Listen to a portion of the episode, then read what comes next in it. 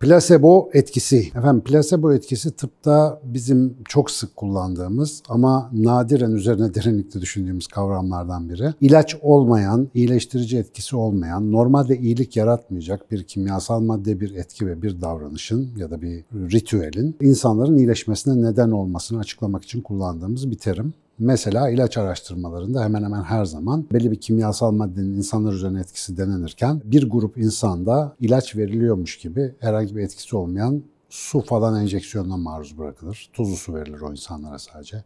Ya da içinde hiçbir etken madde olmayan, sadece çikolata olan haplar verilir. Ve bu insanların birçok deneyde %20-25 yani hiç ilaç ya da kimyasal içermeyen ilaçlar alan kişilerin %20-25'inde daha önceden üzerine çalışılan o teşhis edilmiş hastalık neyse o hastalık açısından bir iyileşme gözükür. Parametreler düzelir. Kimilerinin tansiyonu düşer, kimilerinin bilmem nesi olur vesaire. Dolayısıyla e, burada plasebo etkisi diye küçümsediğimiz şey üzerinde biraz durduğumuzda aslında tam bir dehşete düşüren bir gerçek var karşımıza. İnsanların hasta diye e, teşhis ettiğimiz insanların beşte birinden fazlası ilaç diye inandıkları suyu vücutlarına aldıklarında iyileşmekteler. Tıpta en önemli sorunlardan bir tanesi sağaltım ya da şifa dediğimiz konudur. Bugün modern tıpta hani bunu söyleyeceğim belki beni duyan bazıları ilk defa duyuyorsa bozulacaklar ama kronik hiçbir hastalığın tedavisi yoktur. Tıbbın kronik yani ne zaman başladığı bilinmeyen ve ne zaman biteceği de öngörülemeyen öyle bir hafta grip gibi sürmeyen, işte yüksek tansiyon, kalp hastalığı falan filan gibi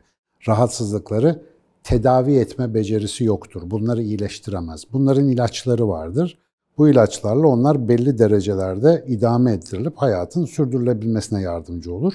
Yoksa tedavi bambaşka bir şeydir. Fakat işte bu ilaçlar söz konusu olduğunda plasebo etkisi öyle karşımızda koskoca ve tuhaf bir etki olarak duruyor. Bir kere biz o ilaçlardaki kimyasalların insanlarda belli iyileşmeler yaptığını varsayarak o ilaçları çalışıyor, deniyor ve piyasaya sürüyoruz. Fakat bu araştırmalar sırasında o etken maddenin hiç bulunmadığı bir takım uygulamalar da iyileştirici olunca o zaman hemen şunu sormamız gerekiyor. Ya aga yani hangisi iyileştiriyor bunların? Burada büyük bir muamma var ve daha önce ilaç sektörünce çokça çalışmış doktor arkadaşlarımdan da bolca aldığım bilgiler önce şunu büyük bir güvenle söyleyebilirim. İlaç araştırmalarının tamamı ilaç etkilerinin raporlanmasıyla bildirilir. Yani biz böyle böyle çalışmalar yaptık, sonucu bulduk gibi. Piyasadaki en spesifik ilaç mesela aspirin, herkesin bildiği o son derece jenerik ilacımız hastaların yaklaşık %45'inde Mesela ağrı giderici, kan pıhtılaşmasını azaltıcı etki yapar.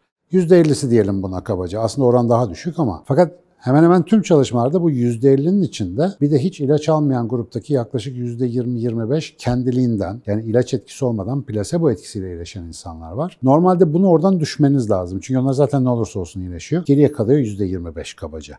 Yani aslında en spesifik ilaç bile insanların %25'inde iyileştirici ya da iyi hissettirici ya da düzeltici bir etki yapıyor. Şimdi böyle olunca plasebo ile ilacın etkisi neredeyse aynı. Böyle yan yana koyduğunuzda. Peki biz neden plasebo etkisini böyle ya plasebodur o falan diye konuşuyoruz? Çünkü çok fazla mekanistik ve kimyasala dayalı, çok fazla ilaç endüstrisinin karına odaklı bir tıp kültürü içerisinde hepimiz illa bir etken maddenin bizi iyileştireceğine inandırılmışız. Halbuki özellikle geçtiğimiz 20-25 yıldır beyindeki ve zihindeki süreçlerin bedenimizdeki süreçlerle nasıl kilitli olduğu ve tersinin de ne kadar geçerli olduğuna dair çok fazla bilgi, çok fazla teori ve kanıt üretilmekte. Bunlara birkaç tane örnek vermek gerekirse mesela Bruce Lipton'ın İnancın Biyolojisi kitabı bütün dünyada büyük sarsıntı yarattı. İnancın Biyolojisi deyince hani böyle bizim standart Kur'an'da tıp şeyleri falan gibi bir kitap değil o. İnandığınız şeyler bedeninizde ve yaşamınızda nasıl gerçeğe dönüşüyor? Bunun biyolojik ve hücresel tarafını anlatıyor aslında Bruce Lipton. Son derece ikna edici bir kitap çünkü kendisi bir hücre biyoloğu. Yani öyle felsefeci falan değil uzaktan baktığınızda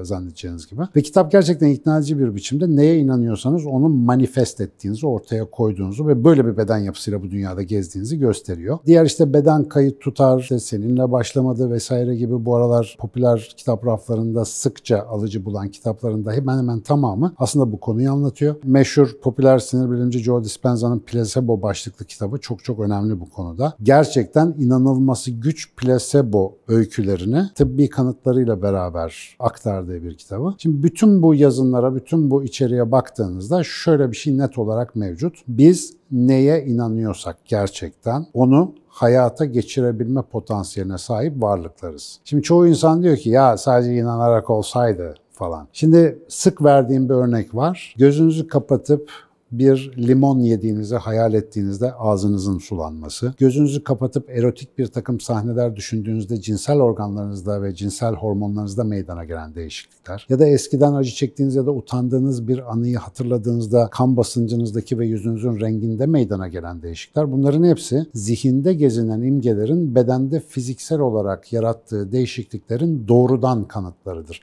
ve bunu herkes yaşar.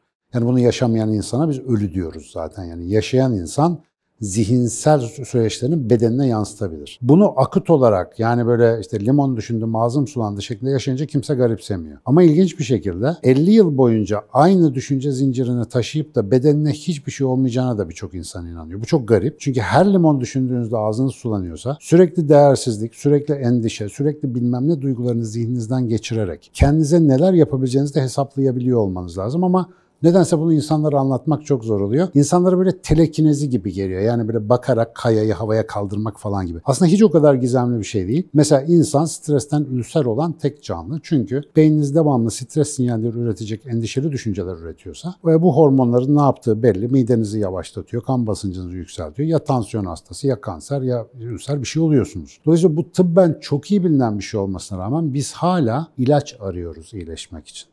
Halbuki plasebo etkisi orada buz gibi ilaçlarla denk bir biçimde literatürde, bilimsel literatürde gözümüzün önünde dururken biz hala kimyasala şartlıyız. Niye?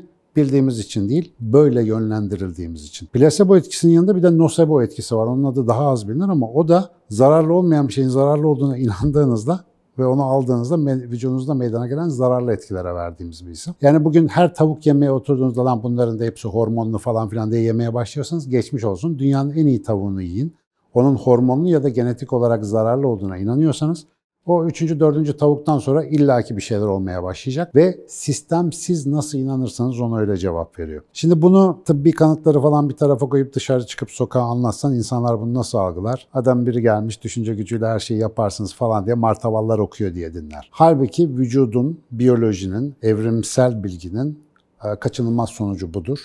Bu sistem zihinle bedenin bütünleşik olduğu, ve uyum halinde çalıştığı takdirde optimal performansı gösterebildiği bir sistemdir. Biz bedenimizi ne kadar kimyasallarla olumlu iyileştirici olduğunu düşündüğümüz kimyasallarla doldurursak dolduralım, zihinsel algoritma doğru çalışmıyorsa sağlığı yakalamamız mümkün değil. Tam tersi de söz konusu. Çer çöple vücudunu dolduran birçok insanın 90'lı 100'lü yaşlarına kadar yaşayabildiğini de biliyoruz. Yani burada uzun yaşamak falan bir ölçü değil elbette. Sağlık çünkü anlık bir şeydir. Yani ömür uzunluğuyla ölçebileceğimiz bir şey değil ama zannettiğimiz doğrusal ilişki yani ilaç, sağlık, zehir, ölüm gibi bir denklemin gerçekle bir alakası olmadığını net olarak söyleyebilirim. Plasebo etkisi küçümsenecek bir etki değildir. Hatta özellikle bizi şu anda izleyen, bu videoya denk gelen genç hekim arkadaşlarımız, genç psikolog adaylarımız, genç herhangi bir sağlık çalışanı arkadaşımız varsa şu andan itibaren önümüzdeki dönemdeki gerçek şifacılığın burada yattığına ben eminim şahsen. Plasebo etkisini doğru yönetebilen insanlar, bunun varlığını gerçekten bir teknoloji olarak kullanabilen insanlar, insanlığa çok büyük fayda verecekler. Bu yeni bir fikir de değil. Tıbbın kurucu babası Hipokrat'ın tıp hakkında yaptığı bir tanım binlerce yıldır eskimedi. Demiştir ki Hipokrat, güler yüzle söylenen birkaç akıllı kelimeden daha tedavi edici hiçbir şey bilmiyorum. Koca Hipokrat'ın yalan söyleyecek hali yok. Zira insanın fabrika ayarları değişmez. O gün neysek bugün de böyleyiz. Böyle işte kimyasallar, ameliyatlar falan tamam Allah başımızdan eksik etmesin ama o kadar da ihtiyacımız olmayabilir. Kimyasal iyileşme, ilaç sektörünün bizde yarattığı psikoloji bir taraftan da sağlığımızın hep boğazla ilgili olduğunu düşündürüyor bize. O yüzden yediğimizi içtiğimizi çok dikkatli seçmeye çalışıyoruz ama bize ne bildiğimize ya da ne bilmeye çalışacağımıza hiç dikkat etmiyoruz. Kulağımızdan girene ağzımızdakinin onda biri kadar dikkat etmiyoruz. Zihnimize gezinen düşünceler neredeyse Hiç ilgimizi çekmiyor. Hatta bir eşimiz dostumuz meditasyon yaparken ne gurum olacağım bu yaştan sonra falan filan diyebiliyoruz. Derin düşüncelere dalmak zaten lüks oldu. Öyle bir zamanımız falan da yok. Ama gerçek sağlık ve gerçek hastalık bunlara dikkat etmediğimiz zaman karşımıza çıkacak ya da bizi bulacak. Orada tercih biraz bize ait. O yüzden zihnimize, kulağımıza, vücudumuza ve zihnimize giren şeylere genel olarak dikkat edelim.